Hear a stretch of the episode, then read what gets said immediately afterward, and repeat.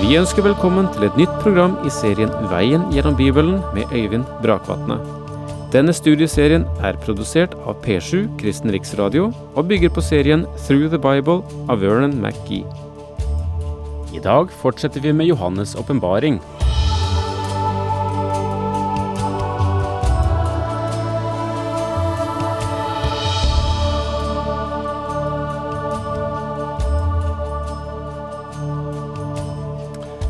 Når vi tidligere har gått eh, gjennom det profetiske materialet vi finner i Det gamle testamentet, har vi sett at eh, de profetiske budskap ofte har en dobbelt bunn.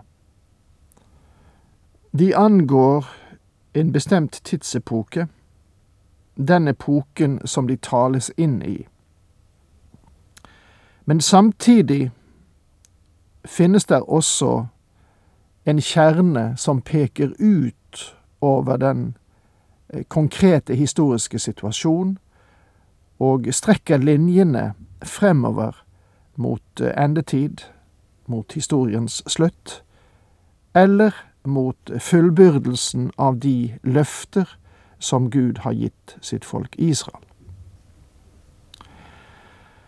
Når det gjelder kapittel to og tre, som vi nå er i ferd med å gå inn i åpenbaringsboken, så um, tror jeg at vi her også i disse utsagn har en dobbelt bunn når det gjelder eh, budskapet til de syv menigheter.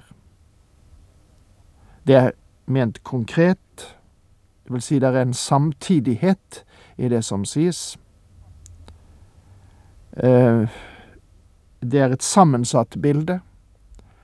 Det vil si, disse syv menigheter er trukket ut av en bestemt hensikt. For skulle det være hilsen til samtlige menigheter i eh, lille Asia, så måtte vi hatt langt flere brev. For det var mange flere menigheter enn de, de syv som eh, trekkes frem her. Og det tredje jeg påpekte sist, er at jeg tror at dobbeltbunnen i disse brevene ligger i at det også er et snitt gjennom kirkehistorien. Det er ikke bare aktuelle brev for den tid det var skrevet, og for eh, eh, forhold som kan angå dagens menighet, men her har vi også med epoker å gjøre, så langt jeg kan se det som eh, trekker en linje gjennom kirkehistorien. Nå vil jeg gjøre dere oppmerksom på den veloppbygde og klare form som den Herre Jesus brukte i hver av brevene til de syv menighetene.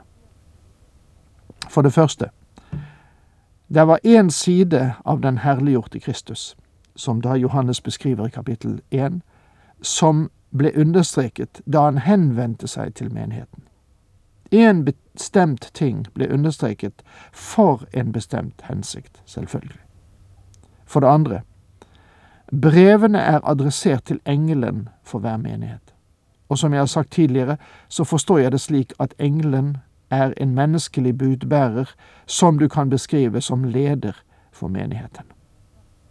For det tredje, han begynner hvert av brevene med å si Jeg vet om dine gjerninger selv om han har stilt spørsmål om dette når det gjelder et par av brevene.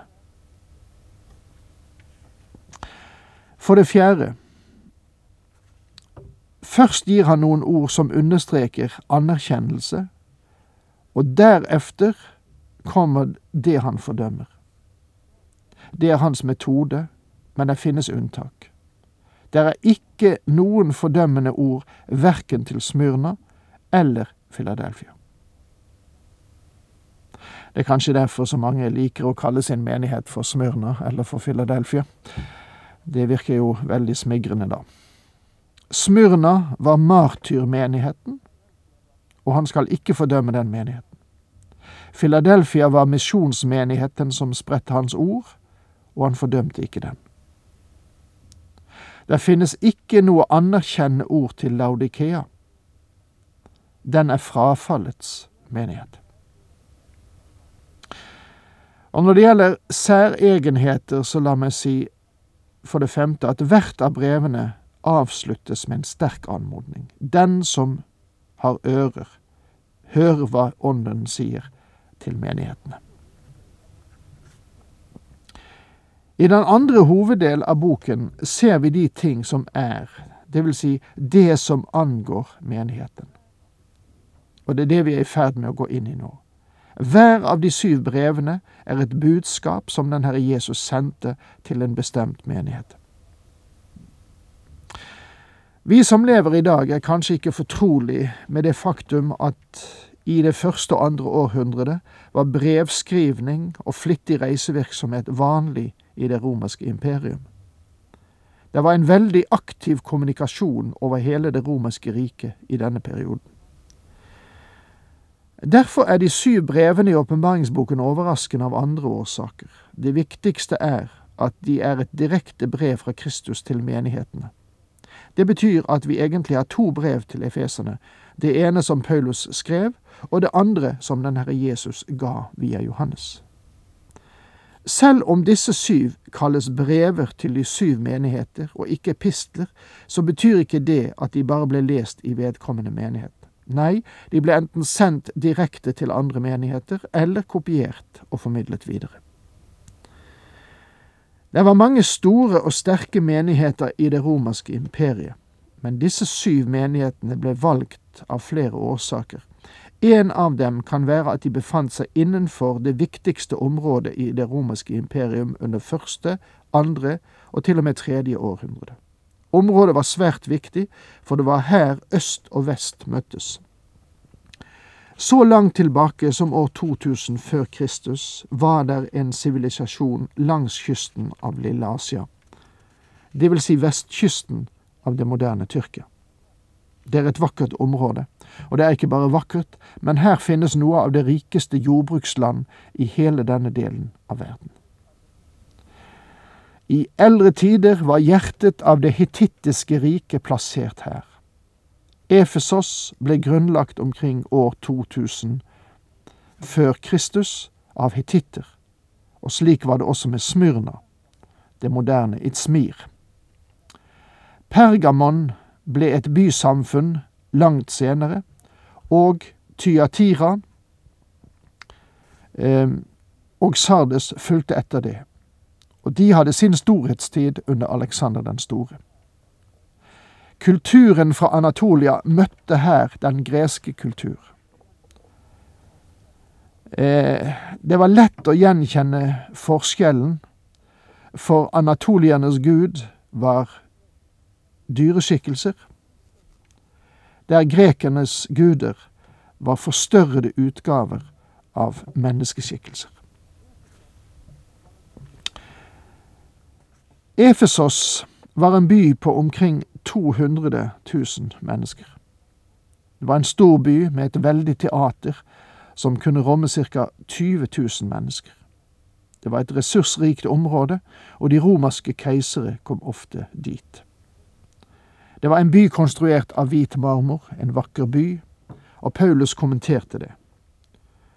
Om vi tror at evangeliets innflytelse var liten i det området, så tar vi helt feil. Innflytelsen av evangeliet i Efesos var så sterk at fire pilarer eller tårn som ble plassert ved innløpet til havnen, hadde kors som utsmykning. Det ene monumentet var innviet til Matteus, det neste til Markus, det tredje til Lukas og det fjerde til Johannes. Det er bare én pilar som fremdeles står, men den bærer fremdeles korset som symbol. Og det er også andre vitnesbyrd om den veldige innflytelse som evangeliet hadde der hedenske templer senere ble brukt som kirker. Etter den tjeneste som Paulus og Johannes hadde hatt i området, var det en stor kristen folkegruppe dette, på dette feltet. Det synes som om Paulus hadde sin mest omfattende tjeneste i Efesos, og Lukas skriver alle som bodde i Asia, fikk høre Herrens ord, jøder så vel som grekere, som det står i Apostelens gjerninger 19 vers 10. Ikke alle vendte om til Kristus, men alle fikk høre. Det er kanskje en av de største evangeliske bevegelser som noensinne har funnet sted i kirkens historie. Så langt eh, bare en liten skisse av, og i eh, kort litt om min forståelse av disse brevene som vi møter i kapittel to og tre. Og nå går vi over direkte til kapittel to, og også her må jeg gi en um, introduksjon. Efesos var ikke bare en um, vakker by, og det er dette brevet vi møter først. Den var også hovedstad i provinsen i Asia. Den ble kalt for forfengelighetens marked i Asia. Plinus kalte den for Asias lys. Den var både det religiøse og det kommersielle sentrum for hele dette området, som spredte sin innflytelse både mot øst og vest, mot Asia og Europa.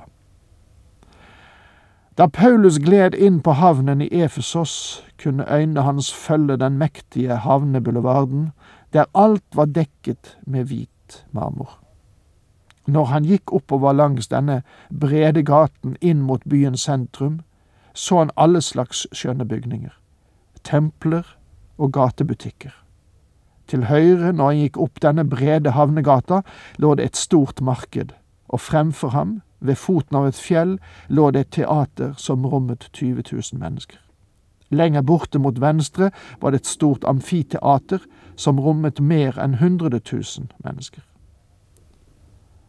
Til tider var det så mange som mer enn én million mennesker samlet i Efesos. Det var her Paulus hadde sin største misjonsvirksomhet, og det var her Johannes senere ble pastor eller leder for menigheten.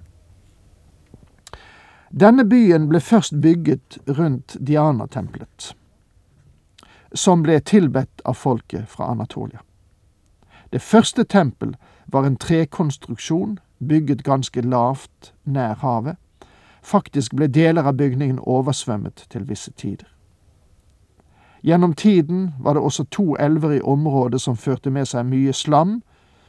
Ehm, eh, så på Alexander den stores tid var tempelbygningen nesten dekket. Da Alexander erobret byen, får jeg her legge til at tempelet brente den natten da Alexander ble født, så overlot han den til en av sine generaler, Lysimakos.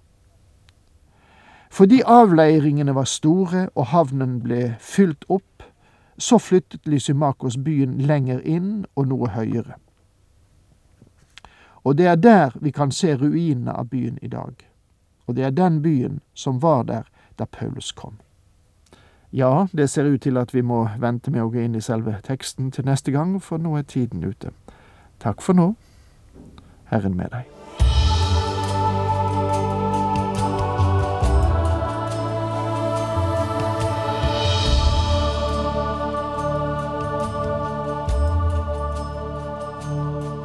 Du hørte Øyvind Brakvatne i studieserien Veien gjennom Bibelen. Serien bygger på et manus av Vern McGee. Har du spørsmål eller kommentarer til programmet, kan du sende en e-post til vgb krøllalfa p7.no. Takk for i dag, og på gjenhør.